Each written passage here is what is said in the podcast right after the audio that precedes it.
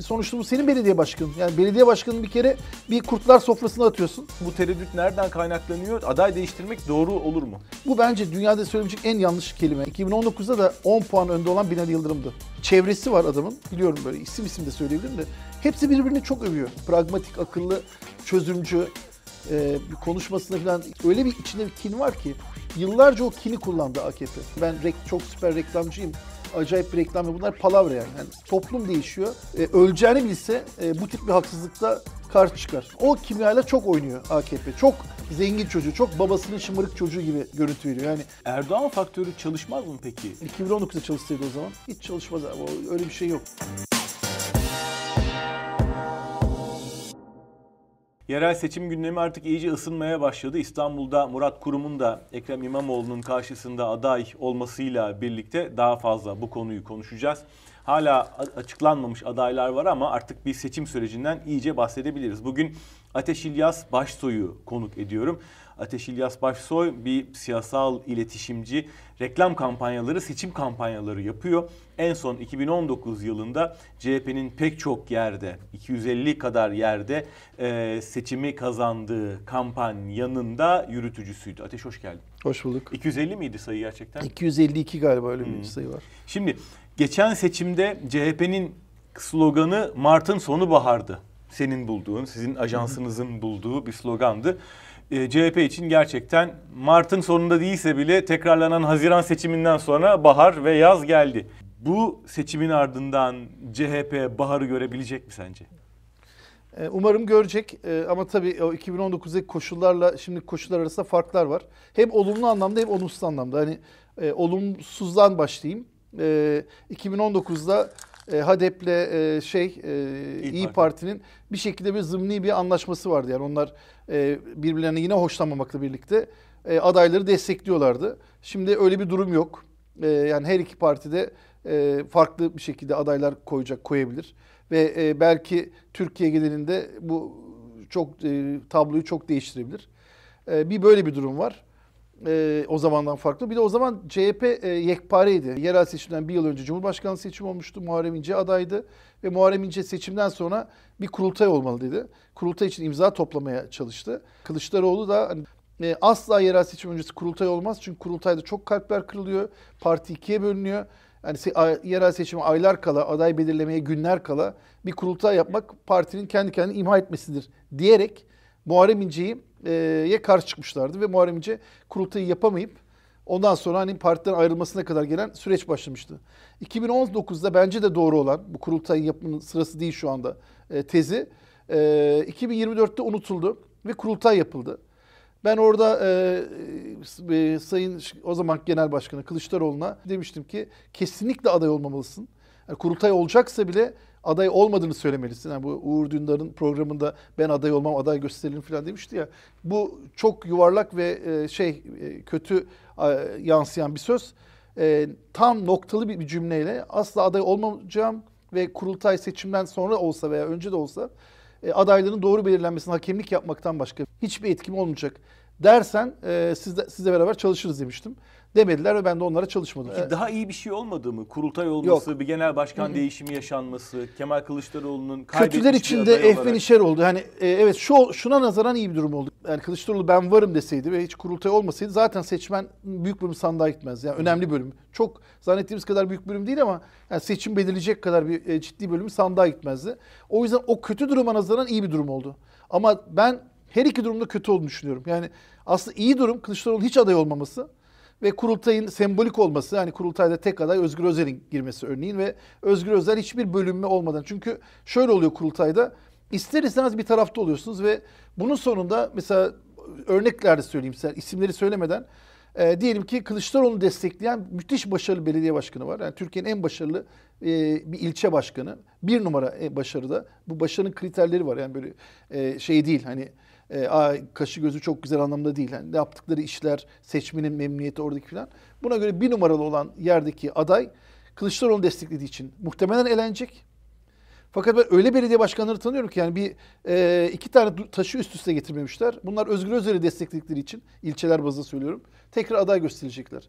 Bu Yani Kılıçdaroğlu kurultay olsaydı olunca parti ortadan Evet. kırılıyor ve bir daha da yapışmıyor. Tabii Kim Kılıçdaroğlu kazansa da aynısı olacaktı. Yani bu e, adaletsizlik yani bu benim adamım senin adamım durumu. Çünkü bunları daha sonra toparlayabilirsin. Aylar geçer, yıllar geçer, insanlar ama şu an o kadar her şey sıcak ki. Yani daha kurultay 3 2 gün önce yapıldı ve hemen adaylar bel- belirlendi. Kurultaydan birkaç hafta sonra ilk adaylar açıklanmaya başladı. Yani her şey bu kadar sıcakken, insanlar bu kadar birbirine karşı e, kırgınken veya kinliyken e, böyle bir durum doğru bir karar verilse dahi bir de, bir de şöyle bir şey var. Şimdi diyelim ki Özgür Özel burada bir kişi söyledi. Diğer e, o, o ile veya ilçeye aday 8 kişi diyecekler ki e, sırf kurultay kini için böyle dedi. Bu söyle yani iftira atmaya da çok e, uygun bir ortam. Şu an biz bunu tam anlamıyoruz. Fakat ne zaman anlayacağız biliyor musunuz? Bütün adaylar belirlendiği zaman e, her yerde e, örneğin bir aday var diyelim ki. Bir kişi kazanıyor. Yani 20 kişi aday var bir ilçeye. Bir tane aday seçilecek, aday gösterilecek. 20 tane aday adayı var. 19 tane e, düşman demek bu. Yani bunların her birinde bir çevresi var. Eskiden de böyle ol- oluyordu. Yani her yerel seçimde böyle kırgınlıklar oluyordu ama zamanla bunlar azaldığı için yerel seçimle genel seçim e, e, arasında ben böyle seçim öncesinde kurultay yapmaz hiçbir parti. Yani çekişmeli kurultay yapmaz.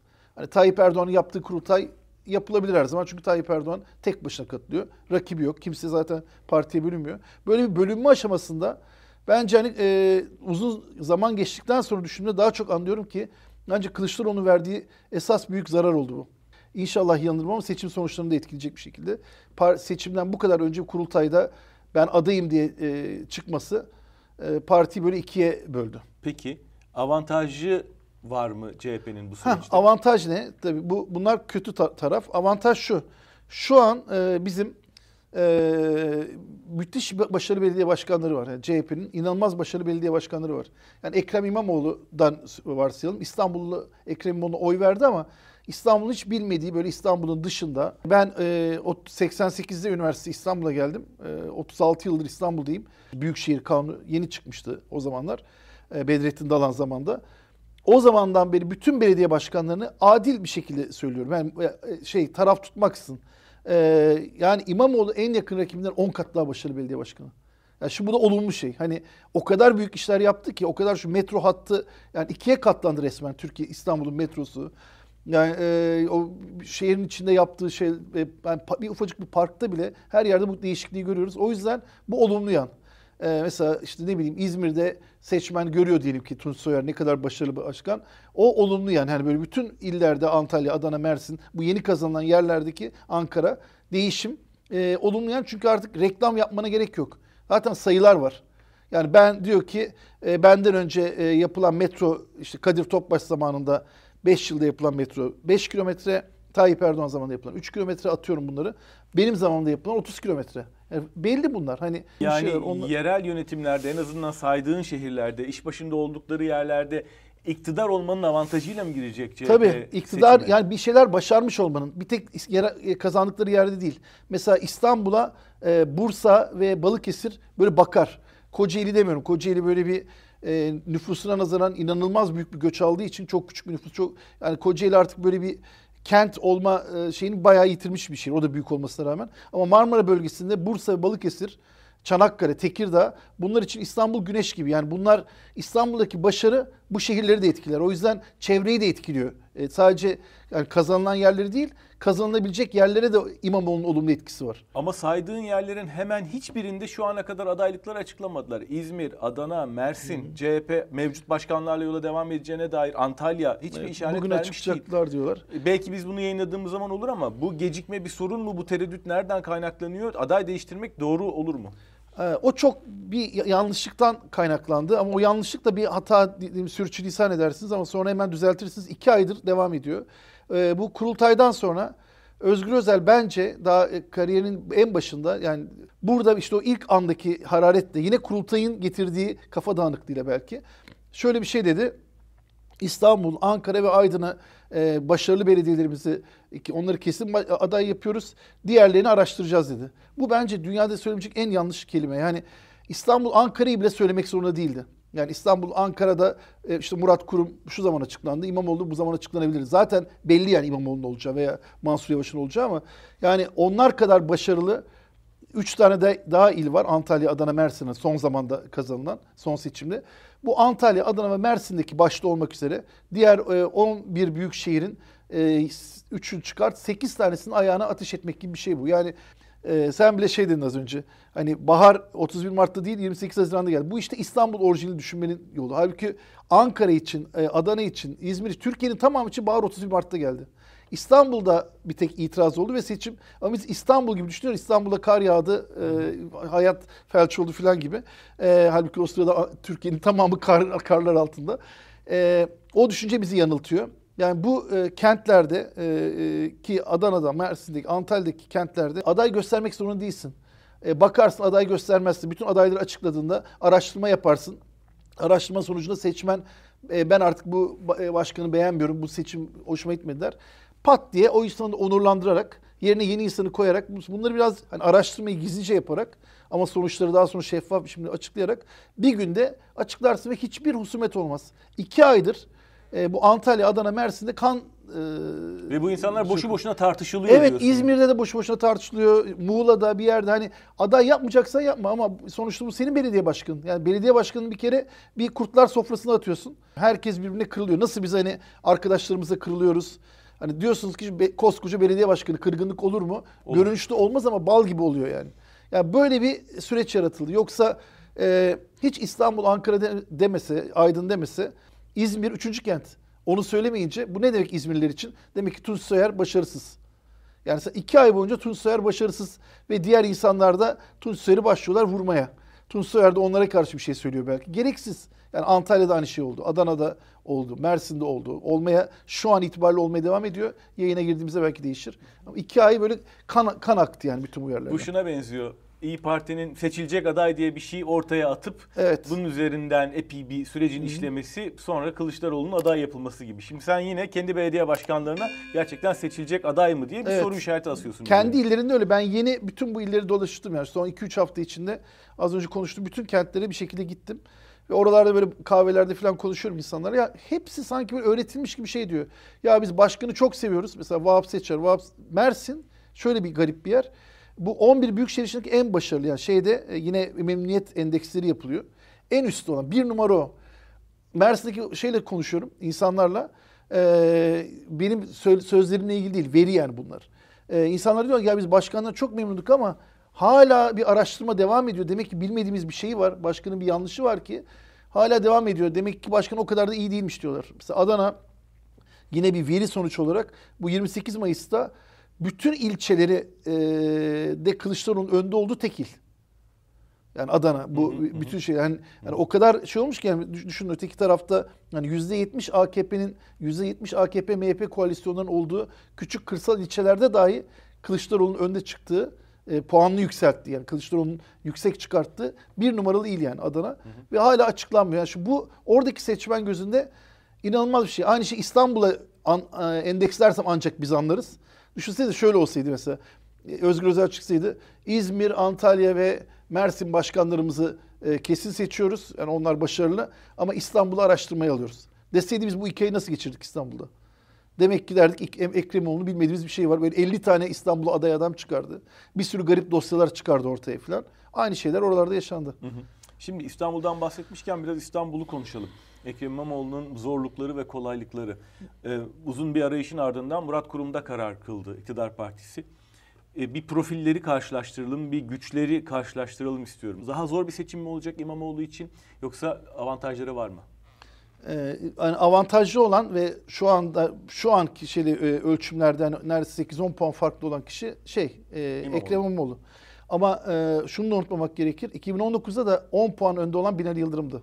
Yani bu seçim başladığında 10 puan öndeydi Binali Yıldırım. Çünkü Ekrem İmamoğlu tanınmıyordu. Şimdi Murat Kurum da kendini tanıtacak. Tanıttıkça belki bu tablo değişebilir. Burada yani ben İstanbul seçiminin hani e, kaybedileceğini hiç düşünmüyorum. Yani mantıken e, asla kay- yani İmamoğlu'nun kazanması gerekir. Şöyle hatalar yapmamalı. E, bir tek kazanmak dertleri değil çünkü bir de meclis çoğunluğunu elde etmeleri gibi bir şey var. Ee, yine bu gözlemlediğim bir klik var e, bu şeyin içerisinde. Ee, İstanbul Büyükşehir Belediyesi'nin her yerde olur bu. Bütün belediyelerde yani o onu goygoylar, o onu goygoylar. O sen çok süpersin, o ben sana şu güzel ilçede seni destekleyeyim, sen şu güzel ilçede beni destekle diye. Çünkü bir çevresi var adamın. Biliyorum böyle isim isim de söyleyebilirim de. Hepsi birbirini çok övüyor. Yani böyle o öyle, ve bunlar hepsi ayrıca değerli insanlar. Ve bunların hep birçoğu da talip oldu. Yani aday aday oldular. Yani İlçelere. istifa ettiler aday aday oldular. Ama o ilçelerde bakıyorsunuz hani e, spontan soru soruyorsunuz ilçelerde. Adam yani 20. sırada bile gözükmüyor. Hiçbir karşılığı yok. Yani o ilçede hiçbir olayı yok. Tek olayı ne İmamoğlu'nun arkadaşı olması, İmamoğlu'nun e, tanışıklığı olması filan. Eğer e, İmamoğlu da ben arkadaşlarımı işte çalışma arkadaşlarımı, ekip arkadaşlarımı mutlu edeyim, onları da bu ilçelere yayayım, onları da bir ödüllendireyim. O zaman oralardaki oylar e, da e, özellikle ben garantili yerlerde filan tipin ve İyi Parti'nin beklenmedik bir şekilde oy alabileceğini düşünüyorum. Yani oradaki seçmen taleplerine karşı, seçmenin belirgin isteklerine karşı e, o, o istekleri, veri sonuçları görmezden gelip e, ben buraya tepeden inme bir insan indiriyorum derse bu her birinden 1-2 puan, her birinden 1-2 puan dediğinde İstanbul e, seçimini etkileyecek kadar e, olumsuz bir sonuç olur. E, ve e, seçmen de kırılır. Yani mesela Kadıköy'den örnek vereyim. Kadıköy seçmene Kadıköy'e her yıl bir e, her 4 yılda bir birisi atanıyor. Sürekli değiş atanma bunlar bakın. Yani söylediğin an atanmış oluyor. Herhangi bir insana söylediğiniz anda o kişi kazanmış olacağı için atanma bu. Seçilme değil. Ee, ve Kadıköy'deki araştırmalarda bakıyoruz böyle şeylerde. Tepeden inme aday istemiyoruz diye bir laf çıkıyor. Böyle bir şey Üsküdar'da çıkmıyor. Yani Kadıköy, Beşiktaş, Şişli, Bakırköy, hatta Sarıyer e, böyle bir 4-5 tane ilçede e, seçmen için değişim benim istediğim gibi bir insanın profilin gelmesi demek. Ama Üsküdar gibi e, ne bileyim Beyoğlu gibi yerlerde değişim AKP'nin değişmesi demek. Yani oradaki muhalif seçmen için. E, tekrar Kadıköy'e dönersem Kadıköy bir kez daha hiç adını bile bilmediği, Kadıköy'le ne ilgisi olduğunu bilmediği birisinin de facto tepelerine konursak hep böyle oldu. Yani şu ana kadar İmamoğlu'nun hiçbir kabahat yok. Çünkü bundan önce hep İmamoğlu'ndan önce böyle geldi. gitti. Bunlar nasıl olsa garantili yerler falan diye. Umarım bu seçim böyle olmaz. Her yerde en çok kazanacak aday, genç aday, kadın aday, seçmeni mutlu edecek adaylar öne çıkarsa e, inanılmaz güzel bir görüntü olur. Bugün Murat Kurum'un komik fotoğrafı var ya Twitter'da er- kadınlar e, kazan sırtlanacak diyor. Yanında 50 tane bu, konu- bu konuşuyor. Yani ona karşı şimdi e, İmamoğlu böyle bir konuşma yaptığında umarım yanında 15-20 tane kadın belediye başkanı adayı olur. Ee, Ekrem İmamoğlu'nun biz hem çok pragmatik hem de çok başarı odaklı bir insan olduğunu gördük. Sence bu özellikleri aday belirlenmesi ve kampanya yürütülmesi sırasında karşımıza çıkacak mı? Yoksa sözünü ettiğin zaaflara uğrama ihtimali var mı gerçekten? Ben çok az o zaaflara uğrayacağını düşünüyorum. Çünkü iş dünyasından gelme son derece akıllı bir insan. Pragmatik, akıllı, çözümcü. Ee, bir konuşmasında falan inanılmaz nazik konuşur. Hiç böyle o şeyi o yoktur yani hani. E, e, Höt karşı zöt tarafı yoktur. höt söt şeyi yoktur. Kimi yani İmamoğlu e, o konuda hem zaten kendi menfaatini düşünerek İstanbul seçimini çünkü bunlar direkt etkiliyor. Hem de seçmenin buradaki tepkilerini çok iyi analiz ettiği için hani araştırmaları çok sık araştırma yaptıkları için ben hani çok böyle bir felaket bir sonuç olacağını hiç düşünmüyorum aday seçiminde. Yani aklı selimle olacaktır. Belki birkaç yerde şaşırtıcı şey olur ama hani e, onun bile olacağını zannetmiyorum. Yani aklı selim kazanacağını düşünüyorum. İyi Parti yok, Dem Parti yok. Tabanda bir ittifakı sağlama başarısını gösterebilecek mi Ekrem İmamoğlu? Yani partilerin yani CHP'nin ve AKP'nin çekirdek oylarının ötesinde bir oy dağılımıyla karşılaşacak mıyız? Yani bir oranda karşılaşacağız maalesef ama e, o oran ne kadar olduğunu birazcık İmamoğlu'nun başarısı gösterecek ne kadar azalacağını. Çünkü aslında bakarsanız 2019'da da Meral Akşener'in e, düşünün Meral Akşener'in yanındaki kurmayların HDP'nin e, başındaki insanlarla bir ortak noktası olabilir mi? Yani hiç birbirlerini fakat seçmen bazına inince kent öyle bir şey ki bu k- kontrastları azaltıyor. Yani mesela kentte yaşıyorsunuz. Diyelim ki sabah okula kızını çıkartacaksın servise. Ee, yanında da bir başka bir adam geliyor. Kendi oğlunu kızını götürecek. Aynı okula gidiyorlar. E, o adam Diyarbakır'dan gelmiş. Sen Trabzon'dan gelmişsin. Arkadaş oluyorsunuz. Aynı sitede yaşıyorsunuz. Komşu biri avukat. Biri doktor neyse e, birbirine selamlaşıyor do- birbirine dost oluyor. Yani aslında bu koalisyon doğal bir koalisyon. Yani insanlar ikinci nesilde, üçüncü nesilde hani şöyle bir turnusol kağıdı gibi bir e, ayrım var.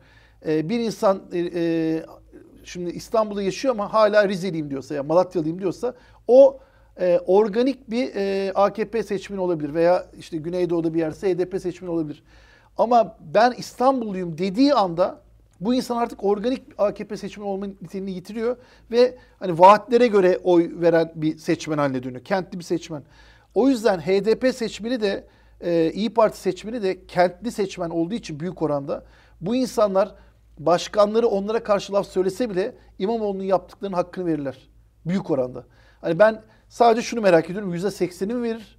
%90'ı mı e, İmamoğlu'na oy verir? Burası biraz İmamoğlu'nun başarısı. E, seçim boyunca yapacağı işlerin başarısı. Çünkü e, İmamoğlu çok birleştirici bir karakter. Aynı şekilde e, Mansur Yavaş Ankara'da böyle bir durum pek yok. Ankara'da böyle bu tip bir göç de yok. O yüzden Ankara'yı çıkartıyorum buradan ama bence Tunç Soyer'de, e, Zeydan Karalar'da, Vahap Seçer'de, Muhittin Böcek'te bu yine e, yerler yine böyle kozmopolit ve farklı farklı hem MHP'nin, İyi Parti'nin hem de HDP'nin e, yüksek oyları olan yerlerde bütün bu başkanlarda e, bir şey var, e, kapsayıcılık durumu var. O nedenle bu iller bazında bu e, çok fazla çalışacak bir şey değil. Hatta belki de hayırlı oldu.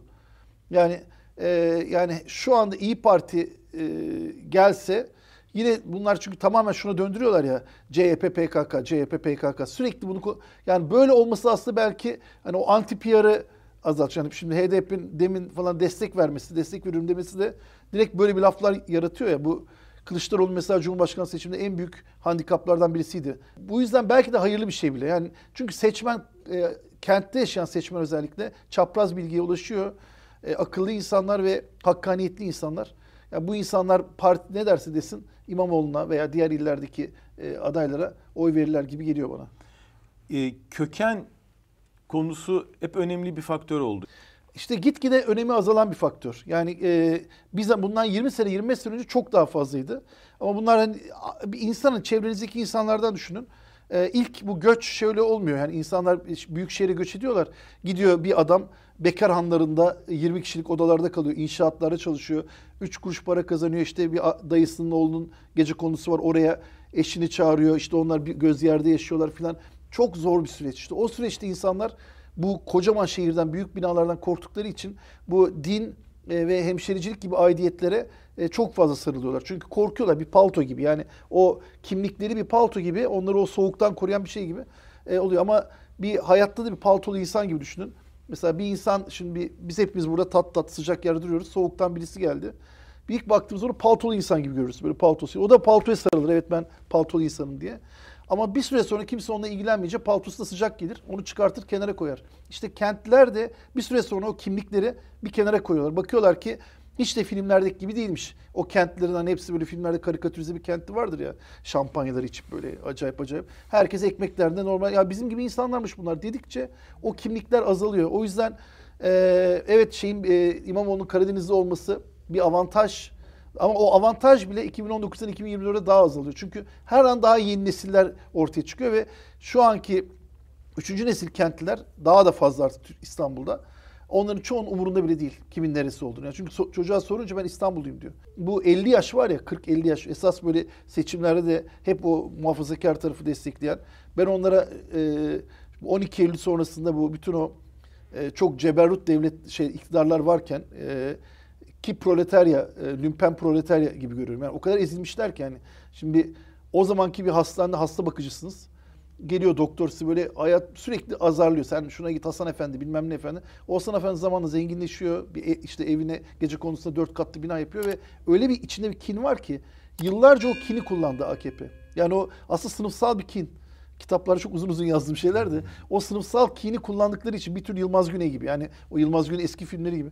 O kin aslında bir geçerli olan bir şeydi ama şimdi hepsinin çocukları Onların çocukları serviste okula gidiyor. Onlar da apartmanda yaşıyorlar. Soba görmemişler. Hani hiç kimsenin anası so sabahın soğuğunda so soba yakmamış. Çünkü düğmeye basmışlar. Kaloriferle evde ısınmışlar yani.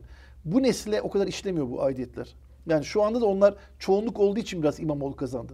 Ben rek, çok süper reklamcıyım acayip bir reklam. Bunlar palavra yani. yani. Toplum değişiyor.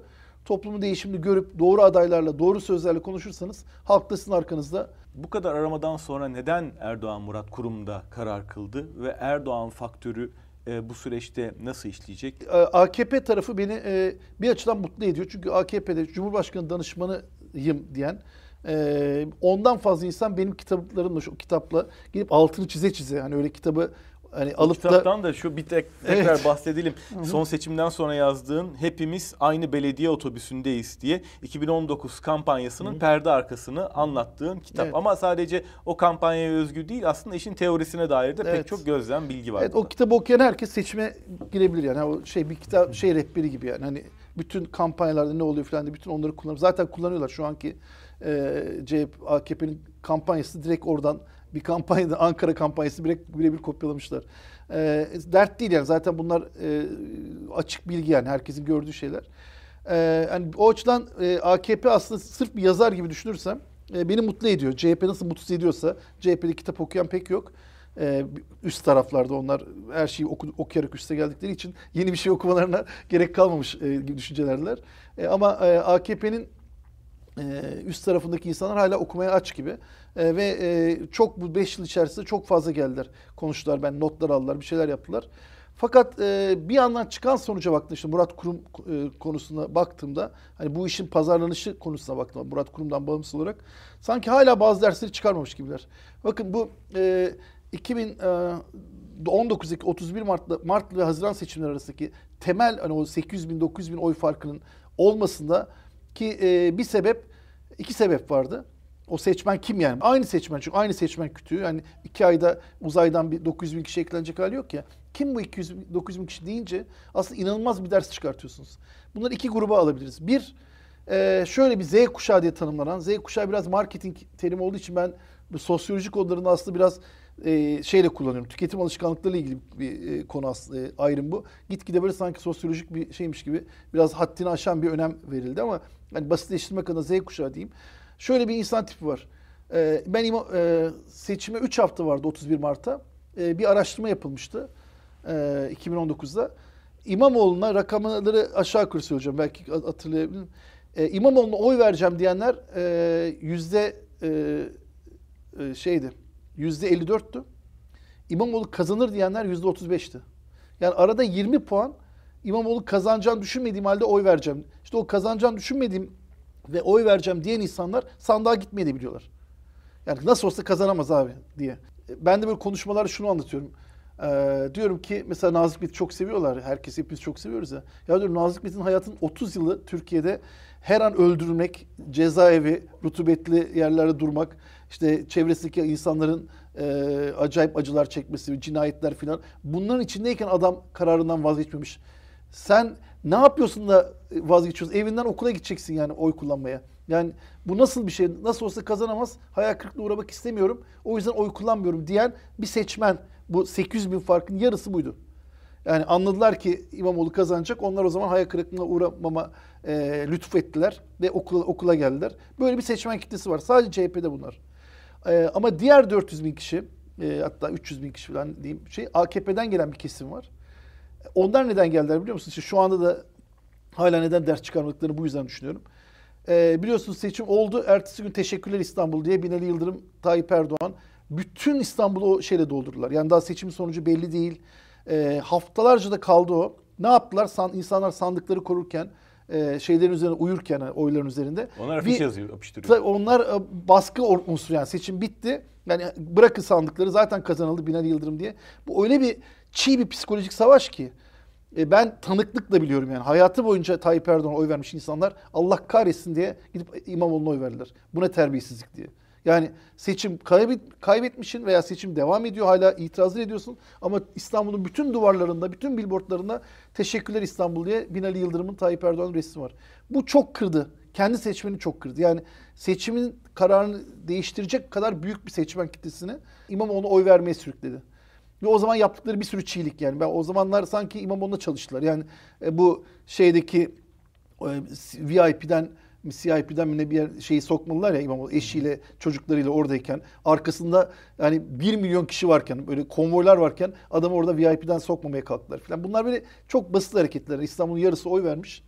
Bir adamı VIP'den sokmuyorsun da oradan bir hafta önce şey e, 17 yaşında rapçi çocuk VIP'den geçmiş yani. Hani o geçiyor, o geçiyor. Bunlar o kadar çiğ hareketler ki bir seçmen böyle tiksindi. Kendi seçmenleri.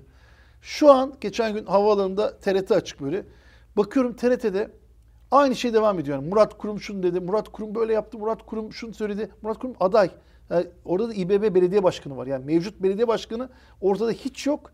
İBB'ye aday olan kişi bütün televizyonu kaplamış. Yani benim vergilerimle olan devlet televizyonunda aynı o Teşekkürler İstanbul afişi gibi. Bu tavır, bu kadar açık bir şike, bu kadar açık bir şey kendi seçmenlerin içindeki adil insanları e, tiksindirip e, AKP'ye oy vermekten uzaklaştırıyor. Ve aynı kafadalar galiba. O kadar danışmanlar okumuş ama yine o danışmanları yine bunlar devlet imkanlarını kullanacaklar. Bakanlarla beraber poz veriyor. İşte bilmemler yapıyor. Zannediyor ki bununla hani e, seçmen e, bak burada bir güç var falan diye. Ya bizim ülkenin temel şeyini anlamamışlar. Yani temel durumunu. Yani e, öleceğini bilse e, bu tip bir haksızlıkta karşı çıkar. Yani ben çocukken bir İrlanda Türkiye maçı mı ne vardı? Bir noktada Türkiye öne geçti millet İrlanda'yı tutmaya başladı. Yani böyle hani öyle bir yani öyle bir garip bir kimya var böyle hani e, insanlarda. E, o kimyayla çok oynuyor AKP. Çok e, zengin çocuğu, çok babasının şımarık çocuğu gibi görüntü görüntü veriyor. Yani arkamızda bizim şey var, Tayyip Erdoğan var. Tayyip babamız bilmem ne yapar falan diye. O şımarık görüntü e, kendi seçmeninde bir itiraz yapıyor. Bence onlar da kazanmanın zor olduğunu bildikleri için daha güçlü aday adayları da vardı. Daha güçlü adaylar da vardı. E, mesela şey olsa zorlayabilirdi. Bu e, şey bir damat var ya adını unutuyorum. Selçuk Bayraktar. Ha, Bayraktar hep Al Bayraktar ismi geliyor. O Bayraktar mesela o zorlayabilirdi yani. Onu kaybedecek bir seçime hiç sokmamışlar gibi geliyor bana. Ee, Erdoğan faktörü çalışmaz mı peki? Yani İstanbul için önemli bir figür. Onun için İstanbul çok önemli. Her şeyi yapacak belli. 2019'da çalışsaydı o zaman hiç çalışmaz. Öyle bir şey yok. Yani İstanbul'da büyük kentlerde artık o e, hani tabii ki bir karşılığı var. Her her partinin karşılığı. Yeniden Refah Partisi'nde bir karşılığı var. Her Doğu Perinçek'in partisinde bir karşılığı var. Yani herkesin bir seveni var, bir grubu var. Ona o, o gruba bakarsan sanki bütün dünya sana inanıyormuş gibi oluyor ama gerçekten bu seçmenin büyük bölümünden oy almak ya daha fazla oy almak ya önemli olan. O kült eskisi gibi etkili bir kült değil yani. Ee, geçen seçimde bir de CHP il yönetimi faktörü vardı. Canan Kaftancıoğlu il başkanıydı hı hı. ve iyi bir performans göstermişti. Bu sene bu seçimde Kaftancıoğlu yok artık. Ee, orada bir boşluk doğacak mı sence yoksa Ama o, o orada bir kurumsal bir devamlık var. Yani sonuçta şu anki Özgür de çok e, başarılı, çok partinin içinden gelen bir çocuk o da. Yani onlar orada böyle bir e, bir şey fark olacağını zannetmiyorum. Yani o bir aralarında bir e, aynı öğretiden geliyorlar. Aynı çalışma bir, bir de tecrübe de var. Yani 2019 seçiminde falan da çok faal çalışan, çok başarılı bir insan olduğu için ve bir ekip bunlar tabii bir kişi değil. Ben orada bir sorun olacağını zannetmiyorum yani. Parti CHP'nin İstanbul örgütü iyi.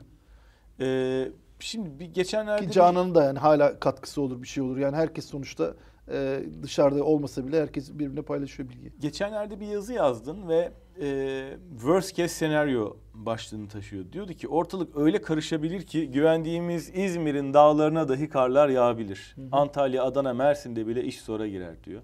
2019'da 250 belediye alan CHP 2024'te bunların yarısını kaybeder. Bu hangi durumda ortaya çıkacak? İşte az önce söylediğim aday seçiminde e, adamcılık yapılırsa, bunlar bizim ekip, bunlar bizim yani oradaki veriye dayalı olmazsa bakın yani her şey, her konu veri, veriye dayalı. Veliye değil de veriye dayalı olması gerekiyor. Ee, yani bunlar benim akrabam, bunlar benim hemşerim. Ben bunları sokayım, bunları bilmem ne yapayım. Bu zaten e, Kılıçdaroğlu zamanında da böyle bir durum vardı, hatalar vardı. Ee, daha eskilerden hani 2009'larda falan hatırlıyorum. Zaten araştırmacıları sokmazlardı bile içeri. Her şey böyle ortada bir sofrada ya oraya bizim oğlanı koyalım, oraya da bilmem ne yapalım derlerdi.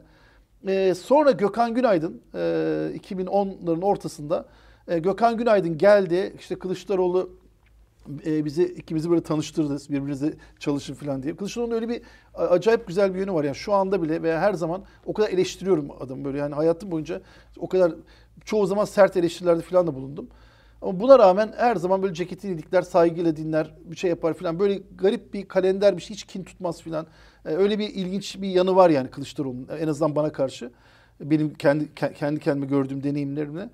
Ee, sonra Gökhan Günaydın bir e, şey yaptı. Bir devrim yarattı CHP'nin içinde. Ve e, adaylar veriye dayalı olarak belirlenecek dedi. Nefret ettiler Gökhan Günaydın'dan. Hani sen eski köye yeni adet mi getiriyorsun diye. Yani araştırma yapılacak. Araştırma sonuçlarında o ilde veya ilçede nasıl bir profil isteniyorsa ona göre insanların şansı olacak diye. Bu onu kısmen yapabildi. Sonra 2019'da Seyit Torun hani artık e, ben e, şeye benziyorum benim de ablam var. Ablam bizim ailedeki bir sürü iki ablam e, tabuları yıkmıştı. Bana çok güzel bir ortam bırakmışlardı. Aynı Gökhan Günaydın da Seyit Torun abisi gibi böyle bir şey başlattığı için Seyit Torun'un eli çok rahattı. Rahatladı. Ve bu kez parası CHP tarafından, genel merkez tarafından ödenen, belediyelerin ödemediği, belediyeler öderse çünkü onda sorun çıkabilir. E, araştırmalar yapıldı. Mesela İstanbul'da, İstanbul'daki e, yani konuya şöyle bakınca yanılıyoruz biz. Hani Ekrem İmamoğlu olsun dedik de Ekrem İmamoğlu kazan değil. İstanbul'a soruldu. Siz nasıl bir aday istiyorsunuz diye. İstanbul seçmenine Ekrem İmamoğlu demeden nasıl bir aday istiyorsunuz diye soruldu. O sorulduğunda Karadeniz'de olmak hani hemşerilik şeyinde öne çıkan bir durumdu. Genç olmak acayip öne çıkan bir durumdu. Hani genç bir aday olsun. Ee, yıpranmamış bir isim olması yine öne çıkan bir durumdu. Ve bir şeyi başarmış olsun öne çıkan bir durumdu. Başka bir tane insan yoktu ki İmamoğlu'ndan başka. Bunları yapacak. Yani İmamoğlu'nun o yüzden o araştırma sonuçlarını gördü Kılıçdaroğlu. Gitti İmamoğlu'nun evine kahvaltıya. Ne olur aday ol diye. Onun zaman onu da Dimyat'ta pirince giderken evde bulgur olma diyen bir sürü insan vardı. Onlarla mücadele edildi. Çünkü araştırmalar bunları gösteriyordu. Evet, İzmir'de, Adana'da Zeydan Karaları e, araştırmalar gösteriyordu yani. Öyle bir insan olmalı diye. E, veya işte Vahap Seçeri. Bunlar Kı- Kılıçdaroğlu çok sevdiği insanlar, çok olması gerektiğini düşündüğü insan, dayısının oğlu falan değil.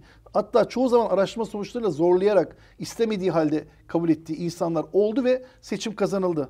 Şimdi ben o yazıyı yazdım şunu demiştim. Eğer 2019'dan ders çıkartılmazsa benim bu radikal sevgi dediğim şey yine hala bu 14 Mayıs 28 Mayıs saçma sapan seçimde kalp yapmak gibi bir şey indir, indirgerlerse yani o kadar hızlı okumuşlar kitabı olay Rusya'da geçiyor diye şey yapıyorlar. Aslında böyle yapınca radikal sevgi oluyor.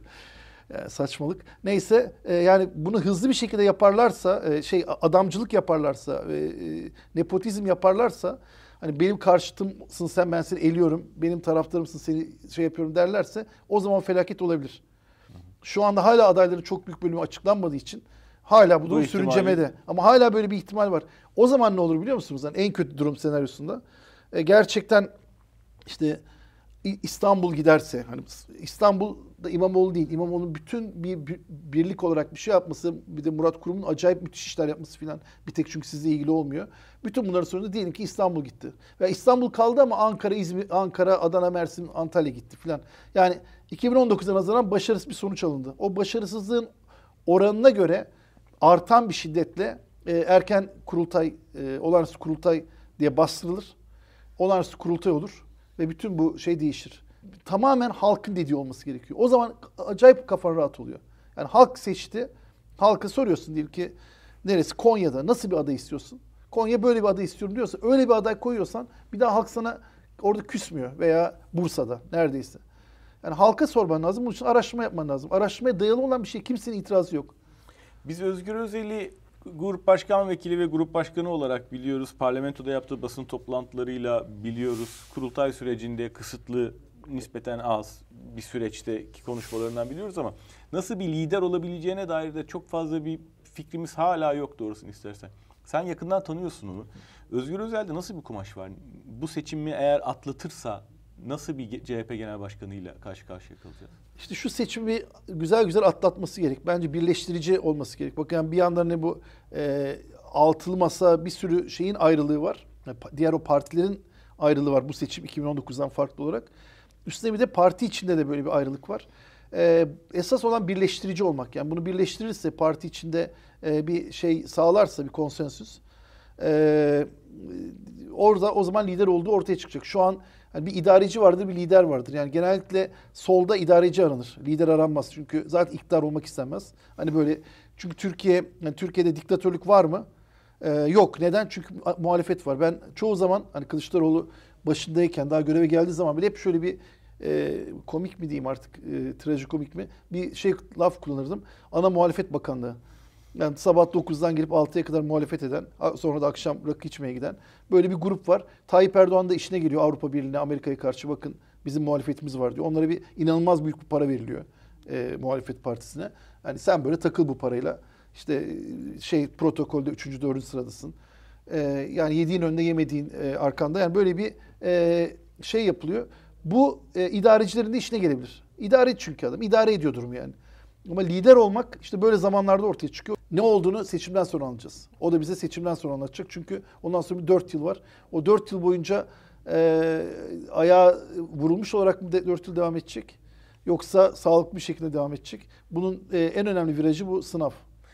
Ekrem İmamoğlu'yla girdikleri işbirliği, ortaklık, kurulan yönetim modelini sorunlu buluyor musun yoksa bu da pragmatik bir çözüm mü? Partide perde arkasında ipler Ekrem İmamoğlu'nun elinde eleştirileri yapılıyor. Bunu bir sorun olarak görüyor musun? Ekrem İmamoğlu CHP'nin ipleri ne yapsın ki o iplerle %25 alınıyor. Adam Cumhurbaşkanı olmak istiyor. Yani e, CHP'nin ipleri çok bir acayip bir revaçlı bir ip değil. O 25'te bakın yıllar önce çok komik bir e, şey vardı bir program, televizyon programında. O zamanlar programları böyle e, YouTube'da değil ana akımlarda yapabiliyorduk. Belki de senin programında bilmiyorum. Programda o Gürsel Tekin ne istifa etmişti. Bir şey birisi istifa etmişti. Orada araştırmacılar var. Birisi sordu ki Gürsel Tekin'in gitmesi dedi CHP'den. CHP'ye ne kadar oy kaybettirdi dedi araştırmacıya. Ben de oradaki konuşmacılardan birisiyim. Araştırmacı dedi ki baktı böyle hiç oy kaybettirmez dedi. Ben bir şey soracağım dedim. Şimdi arşivde bulabilirsiniz onu. Peki dedim Kemal Kılıçdaroğlu istifa etse şu an partiye ne kaybettir dedim. Adam gene baktı. O da hiçbir şey kaybettirmez dedi. Zaten o %25 Atatürk'ten geliyor. Yani modernleşme çabasından geliyor. Türkiye'nin hani aman şeriat gelmesin diyen insanlardan Kimlikten geliyor. geliyor yani. Kimlik de ondan geliyor. Yani o geliyor. yüzden Ekrem İmamoğlu'nun yaptığı şey şu an hani böyle Türkiye'nin bütün farklı insanların AKP'den oy alabilmek, e, Türkiye'nin sağ, sağ tarafından oy alabilmek, öyle büyük bir yani %50'sinin e, lideri olabilmek gibi yani en azından %50'sine oy alabilmek, diğer %50'yi de küstürmeden bunu yapabilme başarısına sahip olan ve bunu ülke genelinde gerçekleştirmek isteyen bir insan için CHP'nin lider olmak hiç cool bir şey değil yani CHP yani herhangi birisi olsa CHP'nin başında olabilir. Yani şu an çok bir şey değil. Kimse CHP'nin üzerine bir puan getirmiş değil yani. Peki e, AKP Murat Kurum kampanyasını belli ki Ekrem İmamoğlu'nun gelecekte Cumhurbaşkanı adayı olma ihtimali üzerine kuruyor. İşte sadece İstanbul diye sloganlar belirlenmiş. İşimiz gücümüz İstanbul olacak. İstanbul'u basamak olarak kullanmayı reddediyorum diyor. Ekrem İmamoğlu'nun böyle bir hedefinin olması e, onu handikaplı hale getiriyor mu bu seçimde? Bi- Bilmiyorum neden öyle bir şey yaptıklarını da bilmiyorum. Hani şey çok bir top insanlar oy kararını değiştirebilecek bir şey değil bu. Yani bir insanın iddiasının olması kötü bir şey. Sonuçta e, şeyde e, Beyoğlu Belediye Başkanı ol- olmak olmak istemeye başlayarak başladı Tayyip Erdoğan da. İstanbul e, Belediye Başkanı oldu. Sonra da Türkiye Başkanı oldu. Yani kendi liderleri oradan o basamaklardan yukarı çıkmışken yani çok bir seçmende bir e, aa hakikaten öyle ya ben bu oy kararını değiştireyim İmamoğlu'na vermeyeyim de Murat Kurum'a vereyim dettirecek bir cümle değil yani. Çok zayıf bir şey. E, Eğer ona tamamen ona dayanacaklarsa e, fark biraz daha açılarak seçim kaybederler. Çok güçlü bir damar değil yani. Ateş çok teşekkür ederim. Çok sağ ol. Birkaç hafta geçsin. Sonra belki yine duruma bakıp bir güncelleme, bir güncel değerlendirme yaparız. Tamam tabii ki benim Çok sağ ol.